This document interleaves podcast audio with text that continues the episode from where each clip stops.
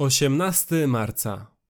Dlaczego musimy pochwycić naszą nadzieję?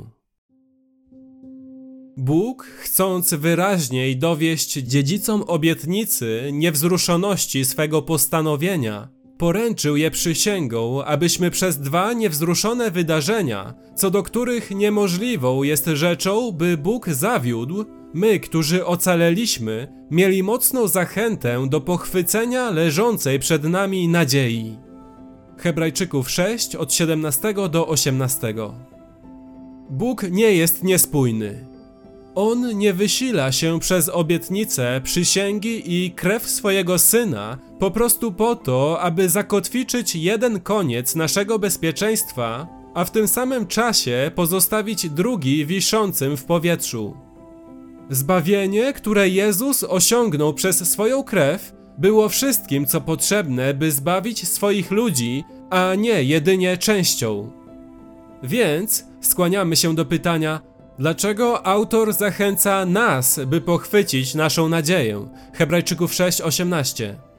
Jeśli nasze pochwycenie zostało osiągnięte i nieodwołalnie zabezpieczone przez krew Jezusa, a zostało, to jest różnica pomiędzy Nowym Przymierzem a Starym.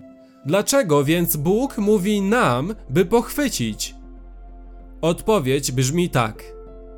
To, co Jezus nabył dla nas, gdy umarł, nie było wolnością od potrzeby pochwycenia, lecz mocą umożliwiającą pochwycenie. To, co nabył, nie było unieważnieniem naszej woli, jak gdybyśmy nie musieli pochwycić, lecz nadaniem siły naszej woli, abyśmy chcieli pochwycić. To, co nabył, nie było anulowaniem przykazania, by pochwycić, lecz wypełnieniem przykazania, by pochwycić.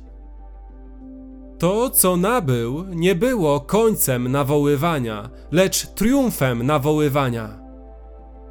On umarł, abyś zrobił dokładnie to, co Paweł w Filipian 3:12. Dążę do tego, aby pochwycić, ponieważ zostałem pochwycony przez Chrystusa Jezusa.